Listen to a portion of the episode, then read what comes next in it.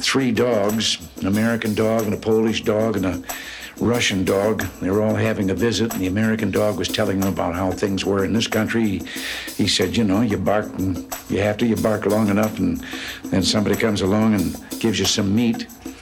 And the Polish dog said, What's meat? The Russian dog says, What's bark? Velkommen til den kolde krig. Velkommen til soft power, hård paranoia, ekspressivt splatmaleri og pjattet pop. Velkommen til en bilateral dans om verdensherredømmet og til en dans om den frie kunst. Podcasten A Painter of Our Time er skabt til udstillingen af samme navn i samarbejde med Institut Funder Bakke og The Lake Radio, og bevæger sig i fire afsnit gennem en fortælling om, hvordan forestillingen om den frie kunst måske slet ikke er så fri alligevel. Fra internationale perspektiver på begge sider af jerntæppet til et lokalt perspektiv i Danmark. Og helt ind i tv-apparaterne til dengang lykken var, at lykkehjulet blev vist uge efter uge. A Painter var Time er historien om, hvordan et kulturagentur var hemmeligt finansieret af CIA, og hvordan det forsøgte at mentalitetsmassere en særlig forestilling om fri kunst ind i vores bløde hjerner og hjerter. I dette seriens andet afsnit vender vi Rea Dal, Andreas Fyre og jeg, Mathias Kryer, blikket indad og hjemad og spørger, hvad skete der i lille Danmark?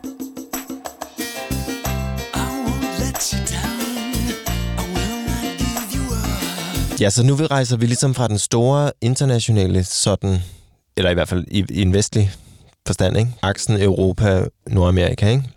Og så med nogle interesseafstikker ned til det afrikanske kontinent. Er det forkert at sige? Ja, ja det, er lidt, det er lidt forkert. Det er faktisk lidt løgn.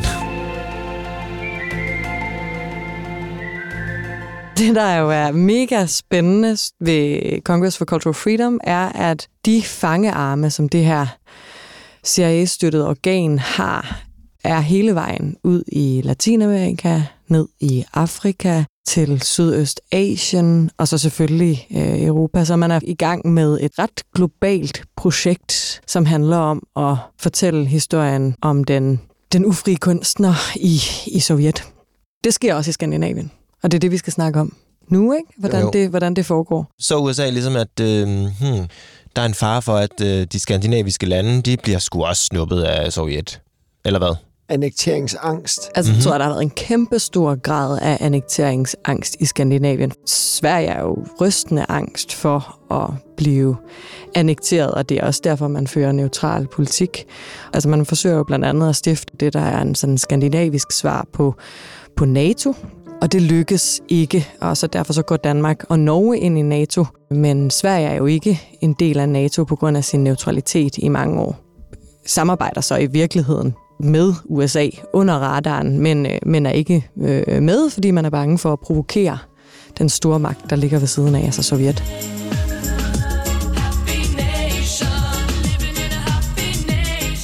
Sovjetunionen, det var jo den gamle modstander. Sådan havde vi opfattet under Finlandskrigen. Og nu kom pludselig en periode, hvor de var allieret med os. Og det var der egentlig ingen af os, der rigtig kunne tage. Ja, der har vi måske nok lige behov for lidt kontekst. Vi har historiker og koldkrigsekspert Dino Knudsen med på en telefonlinje fra Nairobi i Kenya. Dino, er du sød lige at præsentere dig selv? Ja, nå, men, øh, jamen, jeg hedder Dino Knudsen, og jeg er historiker, og øh, jeg arbejder sammen med transnational historie, det vil sige historie, der foregår på tværs af landegrænser, netværk, udvekslinger, påvirkning, den slags i det 20. århundrede, typisk. Ja.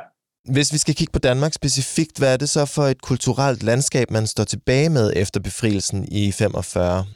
Og hvad er det for nogle øh, politiske fraktioner, der er til stede? Altså man kan jo sige, at det særlige lige efter befrielsen er jo, at øh, Danmarks Kommunistparti står utrolig stærkt og vinder en masse mandater fra Socialdemokratiet, øh, som er kompromitteret samarbejdspolitikken øh, under besættelsen.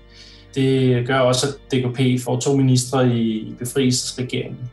Men øh, derefter så sker der hurtigt det, at, ligesom at øh, vi kommer tilbage til, til den situation, der var før krigen, hvis man kan sige det sådan, den, den forstand, at, at DKP ligesom taber et stort, stort terræn. Og det er jo selvfølgelig sideløbende med, at den kolde krig indledes, og det bliver straks sværere kun at kunne henvise til den legitimitet, som DKP havde i forbindelse med deres, deres øh, rolle under, under besættelsen, hvor de deltog i modstandsbevægelsen. Og, også, og øh, i løbet af 50'erne sker der det, at kommunisterne bliver svækket i forbindelse med øh, opstanden i Ungarn, og Sovjetunionen øh, intervenerer militært og, og knuser opstanden. Der, øh, der mister, der mister øh, DKP ligesom deres fodfæste, og så opstår der en ny venstrefløj på, i Danmark, øh, det vi kalder den nye venstre, altså, som er også en del af udløbet af selvfølgelig studenteroprør og andre ting i slutningen af 60'erne.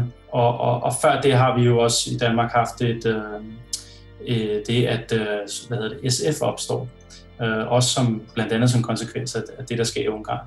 Så, øh, så vi har et, et øh, vi har nogle styrkeforhold, og vi har et miljø, der er meget præget af den kolde krig. Og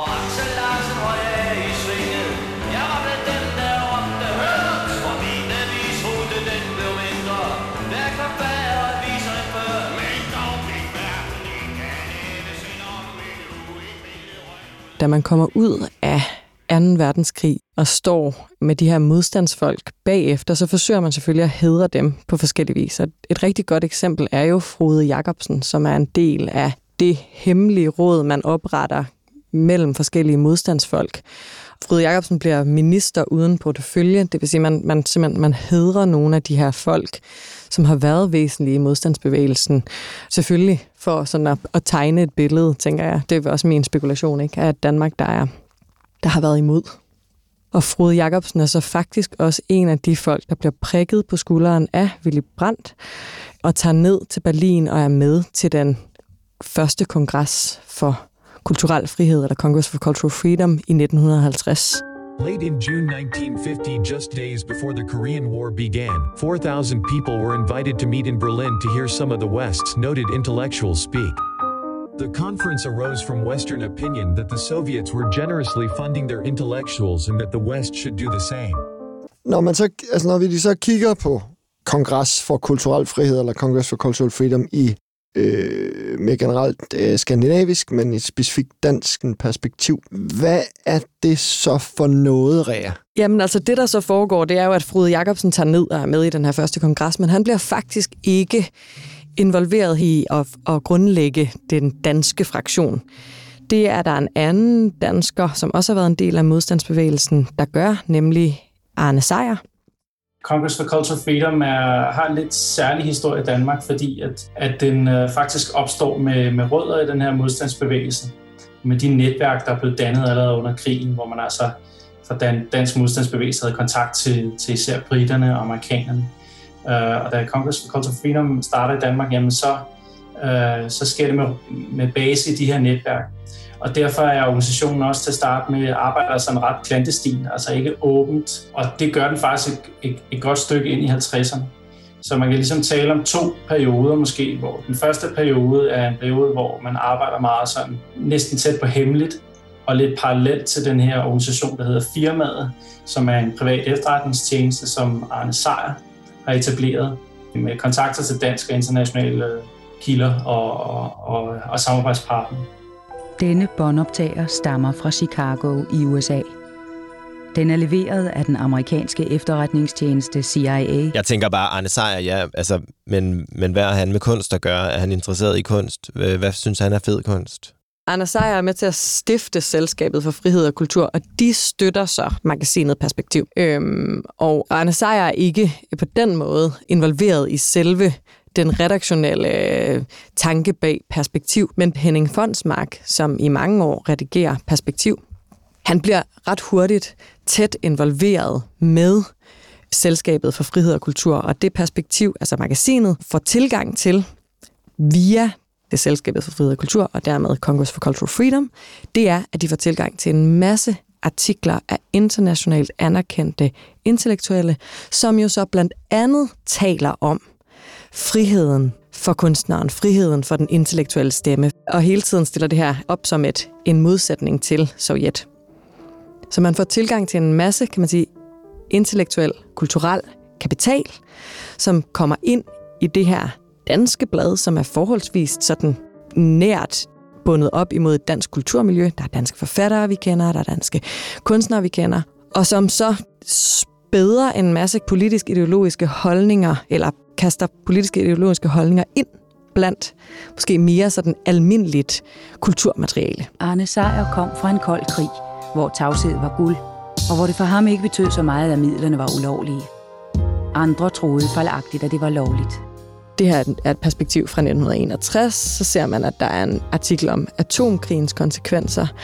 Så er der en artikel om primadonnaen på scenen, et amerikansk regnskab, noget om anmeldelse af kritikerne og så videre og så videre. Så man blander forestillingen om en eller anden politisk eller magtpolitisk frihed, som ligger ved siden af en eller anden forestilling om en kunstnerisk frihed.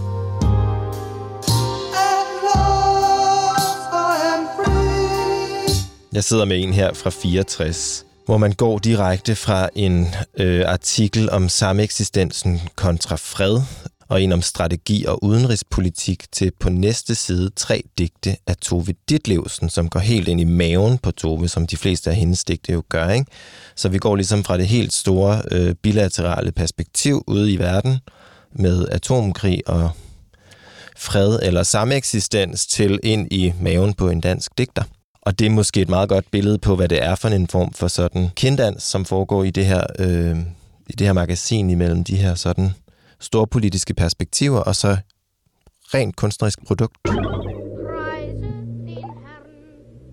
Her kan man nok detektere en udvikling i den danske fraktion af Selskabet for Frihed og Kultur, eller Congress for Cultural Freedom, på den måde, at i de første år, der er det Arne Sejer og hans ret sådan radikale antikommunistiske handlinger, som, som, som informerer det her projekt. Det er ham, der starter Selskabet for Frihed og Kultur. Han har en, en hård agenda om at bryde, kan man sige, den danske kommunistiske øh, venstrefløj ned. Og så sker der det, at han langsomt bliver lidt for radikal. Han er lidt for, han er i virkeligheden lidt for meget sin egen. Han lader sig ikke, han går også lidt op imod med det her hovedkvarter nede i Paris. Og det, han vil ikke rigtig rettesættes eller sættes på plads. Han vil ikke rigtig styres dernede fra. Så han er i virkeligheden for fri til at virke under Congress for Cultural Freedoms, øh, trods alt sådan ideologiske øh, malstrøm. Ikke? Så han bliver langsomt afsat som leder af det danske øh, Selskab for Frihed og Kultur. Og så kommer en virkelig vigtig kulturpersonlighed ind og bliver leder af, på det her tidspunkt så panskandinaviske fremstød for, for Kongressen for Kulturel Frihed, som hedder Jørgen Sleiman. Fra Jørgen Sleimans øh, side der i, fra 1957 og frem, forsøger i større grad at, ligesom at spille en rolle i forhold til åbent at lave konferencer, lave øh, forskellige aktiviteter, der involverer offentligheden, og hvor man ligesom går i større grad ud og og, og udtaler sig. Man har også et samarbejde med, med tidsskriftet Perspektiv, som er et af datidens førende kulturtidsskrifter. Og, og igennem de her kanaler, der forsøger man så ligesom at påvirke også opinionen, men, men også i større grad at ligesom åbent at, at vedgive og vedstå sig de synspunkter, man nu kæmper for. Og det er ligesom under hans øh, ledelse, der bliver indsatsen, som gøres, altså i virkeligheden øh, klogere. Man arbejder undercover på en måde, hvor det ikke er tydeligt, at man er i gang med at påvirke folk. Og hvor man i virkeligheden også er tydelig om en Amerika-kritik samtidig. Så det her med, at perspektiv indeholder USA-kritiske artikler mm-hmm. ved siden af også artikler, der handler om sovjetstyrets totalitære øh, funktion, og på den måde opskriver man jo hele tiden en frihed, samtidig med, kan man sige, siger, herover har vi frihed til at have de her kritiske diskussioner. Men kamp, det er, at altså, det er rigtigt nok, hvad de siger. Sig frihed, det er ikke noget, man bare har, ikke også? Det skal man slås for. For hvis jeg mister min frihed, ikke også, så mister jeg min identitet, altså. Det føler jeg bare. Det vil jeg da nødt gå glip af. Hvor er vi så henne, ikke også? Ja, jeg sidder her med et perspektiv fra 65, som er redigeret af Jørgen Schleimann, står der simpelthen her. Og i redaktionen sidder Hans Hertel og Per Højholdt. Så det er jo et eksempel i hvert fald på, at han har siddet og redigeret de her tidsskrifter, ikke? Altså i modsætning til Anders Ejer, som jo er en, en form for sådan fri radikal, der, der, der i virkeligheden træder sin barnesko i modstandsbevægelsen, og i, der er sådan lidt en, en løs kanon, så er Jørgen Sleiman jo en, en intellektuel. Han er uddannet bibliotekar, han er journalist, og det er efter ligesom at have været nede og være under Congress for Cultural Freedoms hovedkvarters vinge, at han kommer til Skandinavien og bliver leder af det strategiske fremstød, som så er fra slut 50'erne og helt op til, til 67, hvor så det her projekt jo opløses, fordi man, op, man finder ud af, at, at CIA står bag de her penge. Allerede i 1966, der bliver det jo afsløret i New York Times, at CIA har støttet Encounter, det her tidsskrift, jeg nævnte før. Og øh, så i 67, der bliver det så afsløret i et, øh, et tidsskrift, der hedder Ramparts, som er det her sådan lidt øh, ny venstre tidsskrift i USA, at, øh, at CIA i stor stil har støttet forskellige såkaldte frontorganisationer, øh, og blandt andet også øh, infiltreret den amerikanske studenterbevægelse og gennem øh, det, der hedder Fairfield Foundation, som er altså en form for stråmands øh, øh, fond, som man så kanaliserede pengene igennem. Altså man er, ikke, man, man er ikke i tvivl om, at Jørgen Schleiman han ved, hvor de her penge kommer fra? Eller? I, i bagklogskabens uledeligt klarlys virker det usandsynligt, at Jørgen Schleiman ikke har vidst om uh, Congress for Cultural Freedoms tilknytning til CIA, men, men, uh, men man kan sige, at det er jo ikke... Nej. Det kunne være sjovt, hvis der findes nogle kilder, ikke? som viser et eller andet efter 67, som han ligesom er ude og, og sige et eller andet i forhold til den her afsløring. Jeg ved ikke, hvordan bevisførelsen er. Nej. Men igen, så spørgsmålet, tager man et opgør i den danske kulturpolitik med den her viden? Og, og der tror jeg faktisk, at vi øh, fortsat mangler at tage en stor diskussion, som handler om, hvilken form for indflydelse, og også sådan magtfuld økonomisk styring, er der sket af dansk kultur efter 45, ikke? Der har jo været nogle store undersøgelser, blandt andet PET-kommissionen, og vi har undersøgt den kolde krig osv. Der har man selvfølgelig især kigget på, hvilke infiltrationsforsøg var der for, for Øst. Øh, har der været nogle spioner øh, og lignende? Og det er også det især som den offentlige debat om de her undersøgelser. Det er ikke altid undersøgelserne handlede kun om det, men så er den offentlige debat kommet til at handle meget om det. Det er lidt ærgerligt, fordi vi måske kommer til rigtigt at forstå, mm, hvad, hvad, hvad betyder påvirkning? Altså, det, det er klart, at der er nogle helt andre kræfter på spil, når vi bliver påvirket fra vest, fordi vi jo har været integreret med, med Vesten, altså med amerikanerne, med britterne, med, med, vores, øh, med, med de vesteuropæiske lande. Så det er jo der, hvor vi virkelig skal lede efter, hvis vi skal se, hvordan er vores samfund blevet formet, hvordan er vores institutioner blevet formet, både på godt og ondt, jamen så er det der, vi skal kaste øh, kigger hen. Og så kan man sige, at uh, nogle af tingene er måske råd i, i den kolde krig og nogle statslige programmer og påvirkningsforsøg. Noget andet er hele den her kommercielle, uh, skal vi sige, drevne uh, amerikanisering, som vi har set.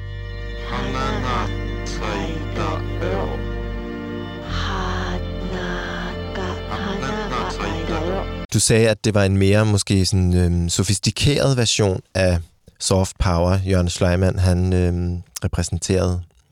Eller en, i hvert fald en mindre tydelig version. USA intervenerer i Kongo på et tidspunkt, og han har faktisk, Jørgen Schleiman, været i Kongo. Øh, og USA intervenerer på et tidspunkt i Kongo og, og gør det øh, på brutal vis. Og Jørgen Schleiman skriver en kæmpe øh, kritik af den her intervenering i perspektiv. Så han er tydelig i sin også anti-amerikanske holdning, når det gælder blandt andet den her udenrigspolitiske strategi, hvor USA med meget hård magt vil styre verden. Han er jo så helt tydeligt dybt involveret i, hvordan man med, med, med, med blød magt skal advokere for, for frihed. Men han ser jo så det her projekt militærkup som, som modsætning til hans forestilling om det frie USA. Det, at, at borgerrettighedsbevægelsen bliver så stærk, og man for eksempel giver borgerrettigheder, altså Johnson-administrationen giver borgerrettigheder til sorte amerikanere, også i sydstaterne, det gør for eksempel, at man får en helt anden mulighed for at påvirke de nye uafhængige stater i, i Afrika. Fordi de kigger selvfølgelig til USA og ser, hvordan sorte bliver behandlet der, og synes ikke godt om det. Men i, i den udstrækning, at man for eksempel får, får vedtaget en progressiv lovgivning på det område, så bliver man i større grad i stand til at omfavne de her nye stater og samarbejde med dem. Men så har man selvfølgelig det her problem med Vietnamkrig, og der må man sige, at det virker jo imod det her. Altså, man har også hvad hedder det, Patrick Lumumba, der bliver myrdet i Kongo, ikke? og CIA involveret i det, ikke? og så videre. Um, det er jo en, en lang diskussion. Da vi kommer op i 60'erne, så er der øh, et, et, nogle forskellige initiativer, som Jørgen Sleiman laver. Blandt andet så har han sådan en, øh, i virkeligheden tænker jeg, i den her tid og i dansk kontekst, som jo er hvid, hvid, øh, interessant konference, som hedder Race and Color. Down with British Petroleum. God save Mr. Smith. Down with Rhodesian exports. God save Mr. Smith. Zimbabwe to the Africans. God save Mr. Smith. Angola to the Africans. God save Mr. Smith. Mozambique to the Africans. God save Mr. Smith. Namibia to the Africans. All of Africa to the Africans. All of Africa to the Africans. All of Africa to the Africans. Afrika er på det her tidspunkt jo et eksempel på et kontinent med mange nye nationer. Og Jørgen Sleiman advokerer nok for, øh, og gennem den her konference Race and Color, også en humanistisk forestilling om en frihed for de her nationer til at tage et eget valg i forhold til, hvordan de sådan også ideologisk strukturerer sig. The wind of change is blowing through this continent. And whether we like it or not, this growth of national consciousness is a political fact. Men det er super spændende det der med, at han engagerer sig i hele den her, og at man kan sige, at Danmark på den måde bliver engageret i spørgsmålet om, om etnicitet og race og diskriminering og undertrykkelse af... Der, der er repræsentanter fra hele øh, verden, men øh, et særligt fokus helt klart på den, den sorte krop, ikke? Jo, jeg sidder her med, øh, med det, der bliver kaldt en rapport fra det her seminarprogram, som er udgivet året efter i 66. Et program, som simpelthen hedder Racing Color, står der med flotte øh, Helvetica-bogstaver på sådan en brun baggrund. Og indeni kan man så læse lidt sådan en oprundning af, hvad der er foregået og hvad der er blevet talt om til den her konference.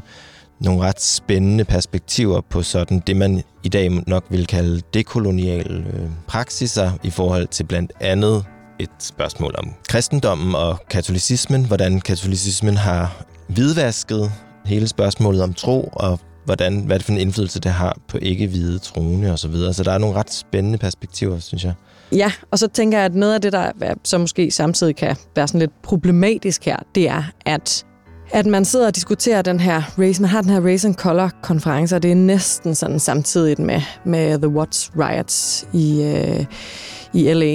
On August 17th, 1965, six days of rioting in the Watts neighborhood of Los Angeles came to an end. It started on the night of August 11th, when a police officer pulled over a car with two young black men inside, brothers Marquette and Ronald Fry. A crowd gathered to watch and quickly grew as officers questioned the men. The police presence also grew, and the mother arrived on the scene. A struggle ensued. Police beat the brothers, then they and their mother were arrested. The outraged crowd of onlookers started throwing rocks at police cars, then at passing cars and buses. The unrest soon erupted into pockets of rioting throughout the 20 block area of Watts. After six days, the violence ended. 34 people died, more than 1,000 injured, nearly 4,000 arrested. Four months later, a report was issued concluding that the riots were caused by a culmination of black residents' long standing dissatisfaction with high unemployment, poor housing, and inadequate schools. Despite those findings, little was done in the following decades to address the inequality. Det der er, det er, det er en, en intellektuel diskussion om, hvordan man skal behandle alle mennesker lige, og det vil man rigtig gerne vil være fortaler for. Og man vil også rigtig gerne vise, at her har man sådan sin helt egen tolkning af friheden. Samtidig så sidder man altså på amerikanske penge og taler om det her. Det er jo på en måde sådan dybt hyklerisk at sidde og tale om al den her frihed, samtidig med, at den, den sorte befolkning i USA bliver undertrykt maksimalt. Altså borgerrettighedskampen er på højtryk. Jørgen Sleiman tager jo nogle rigtig spændende diskussioner op her. Måske kunne man også anklage det for at være en lidt lavt hængende frugt og plukke en forestilling om, hvor frit og humanistisk vi skal kigge på friheden for de afrikanske nationer og friheden for de sorte amerikanere osv., øh, når, man, når man sidder sådan på rigtig god afstand i Danmark. Og det er en flot måde at promovere sådan et skandinavisk frihedsprojekt, som jo så i virkeligheden også bliver noget af det, som Skandinavien så faktisk jo promoverer sig på rigtig, rigtig mange år ude i fremtiden. Bare tænk på Olof Palme og hele hans projekt, og i virkeligheden Nobels fredspris. I took the award as an endorsement of our own struggle in South Africa and the manner in which we have tried to carry out that struggle under very difficult circumstances in our country.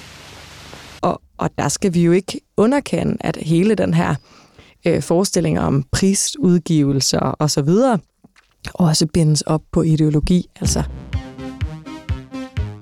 Og så skal vi heller ikke være blinde for, at øh, altså hele studenteroprøret, ungdomsoprøret, øh, antikrigsbevægelsen i slutningen af 60'erne og starten af 70'erne, kvindebevægelsen og sådan nogle ting, protest, counterculture, jamen det var jo, øh, det var jo også meget drevet fra, fra, altså det er jo meget en påvirkning, vi har fået fra amerikanerne.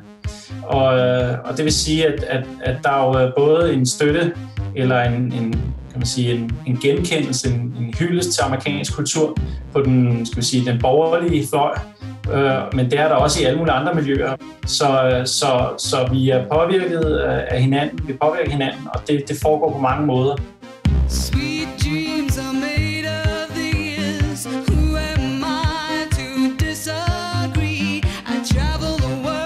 Altså det vi også har haft lidt grinerne over, har været Jørgen Sleimanns efterfølgende virke som øh, altså dels chefredaktør på Weekendavisen, og i særdeleshed som ham, der ligesom bryder tv-monopolet i Danmark med at starte TV2. Ja. Hvis jeg skal have denne her mayonnaise af, så bliver min skjorte hurtigt så blå. Hvad salatole væk som det her, så var det ikke længe før min bluse bliver så rød. Fjern pletter fra chokoladeis, så bliver min shorts hurtigt så grønne. Nu vender vi op og ned på alt det, du ved om kulørt vask. Med ny Ariel Color og det enestående Color Plus-system. Ja, ja. Det er svært ikke at se TV2 som jo en eller anden form for et kulturelt udsagn, som ligger sig i forlængelse af en eller anden forestilling om friheden styret af kapitalismen, eller i hvert fald ikke begrænset af kommunismen. eller er den store stat, som det er, der ligesom står der som styrer opinionsdannelsen ja, og den som kulturel ja. udstrålingskanal. Ikke? Man tillader sådan det, det populære, det Ja. kommercielt betalte. Altså det er vel der, man også begynder at tale om seertal, fordi lige pludselig Det kan må man, må man jo tale om det her, Ja. frem for øh, Det er at jo bare have en en, enkelt en kanal som udbyder. konkurrent. Ikke? Det er jo Ja. ja. også en introduktion af noget, der hedder konkurrence øhm, på, Det må man på, sige. i, lige på det her øhm, mediefelt. Svinger det her,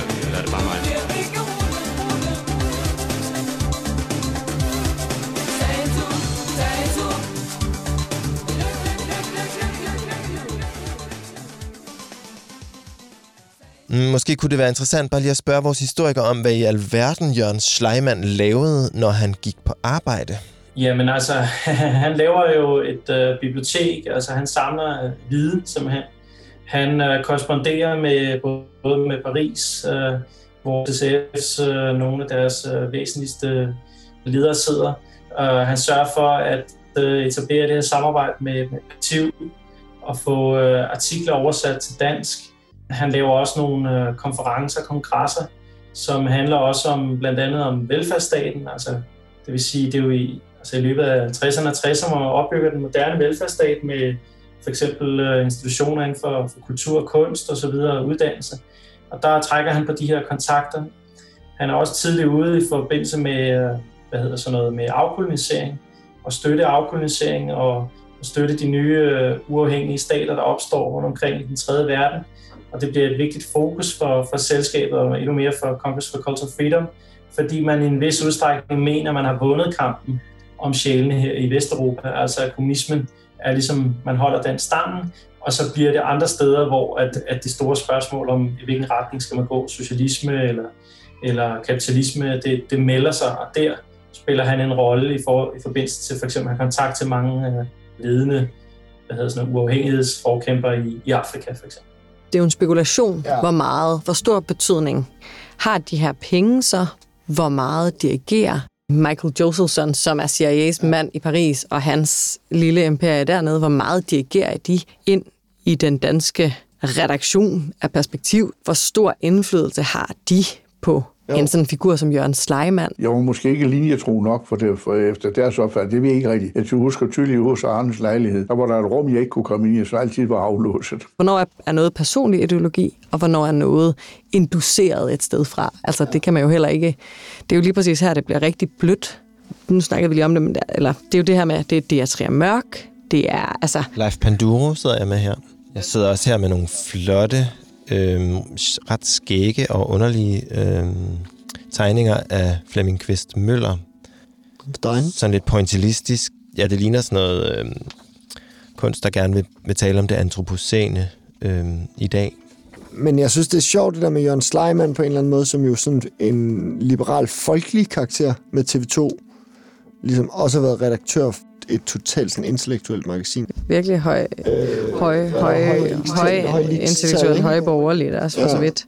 Der er rimelig langt fra lykkehjulet til Max Weber, ikke? Jo. Altså, det er det, jeg sidder med et perspektiv her fra 64, som er redig- hvor um, Jørgen Sleiman er redaktør, hvor der Max Weber står i indledningen, eller sådan biografien om ham, at jeg citerer, her i landet er Marx' store modspiller, altså Max Weber, på den politisk-filosofiske scene forblevet mærkeligt overset. Jeg sidder lige med et helt et andet eksempel fra et øh, altså perspektiv fra 1961, hvor Elsa Grass og Clifford Wright har skrevet om dansk nutidskunst. Og det de så prøver at påvise gennem hele den her artikel, det er, at, at kunst, som kigger mod Paris, er regressiv eller tilbagestående og gammeldags, og det er at kigge mod New York er ligesom vejen frem. Og det er jo sådan super interessant i forhold til, at man kan sige, at det har jo været programmatisk for USA at flytte den kulturelle hvad kan man sige, navle af den vestlige verden fra Paris til New York, og man flytter jo med en masse migration af, af kunstnere under 2. verdenskrig og efter. Øh, nogle af de fremmeste europæiske kunstnere derover gør sig dermed også New York til, til sådan kunstmæssigt magtcentrum. Måske skal vi også nævne en, øh, en artikel om øh, det kongelige danske kunstakademi, som jo er noget, man ynder at diskutere. Særligt i forhold til friheden, ikke? Altså, Jo.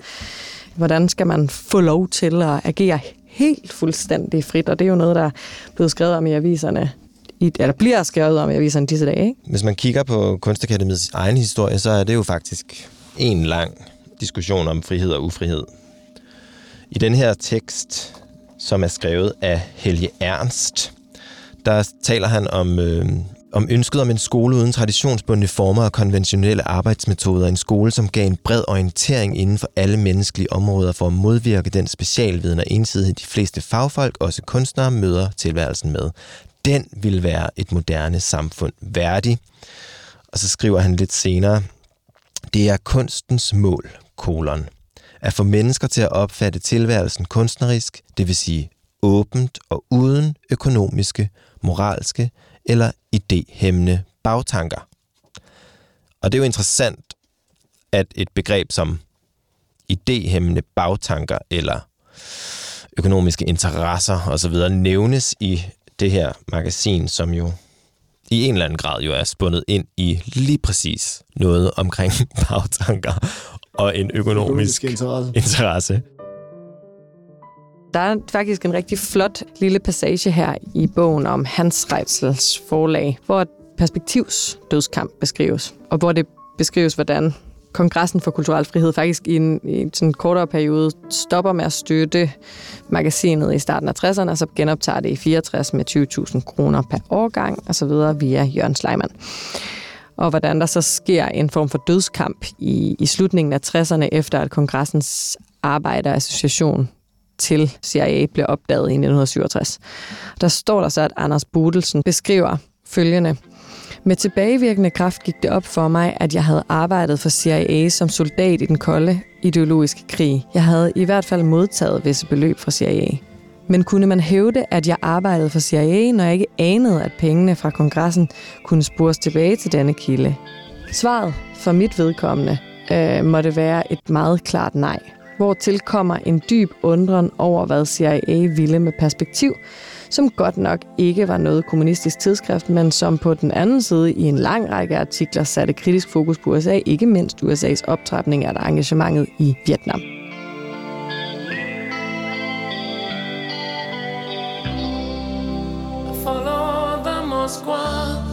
Det er jo sådan den klassiske apologetiske svar på det her. Det er, vi vidste det ikke, så vi agerede de facto frit, øh, som har været et af de store argumenter mod en harceleren mod de her mennesker, der har været involveret. Altså, fordi Så man, ikke er ved, altså- hvor... Man er, man er fri, indtil man får noget andet at vide. Det er jo sådan, det er sådan samtidsagtigt, ikke? Jeg agerer helt frit på, øh, på, på, på Facebook. Jeg føler, mig, jeg føler mig ikke styret. Jeg gør, hvad jeg vil, for jeg ser ikke superstrukturerne.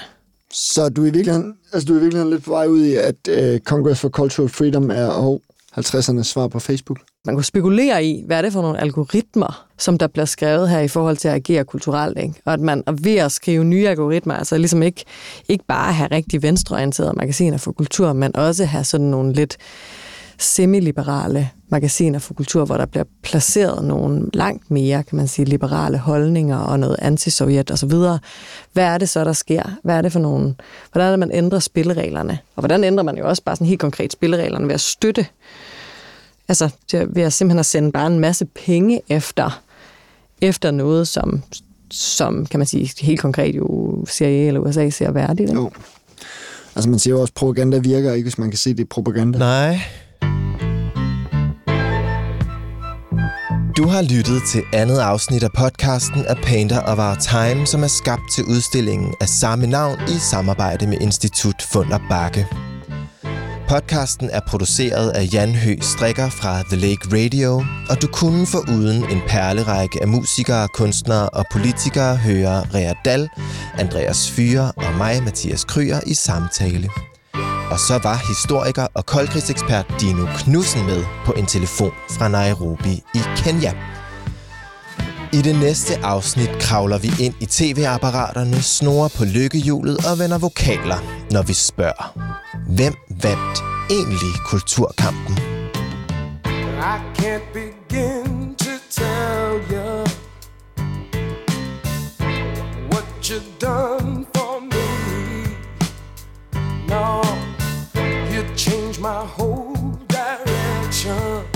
You did. You set my spirits free. Set my spirits free. My spirit is free.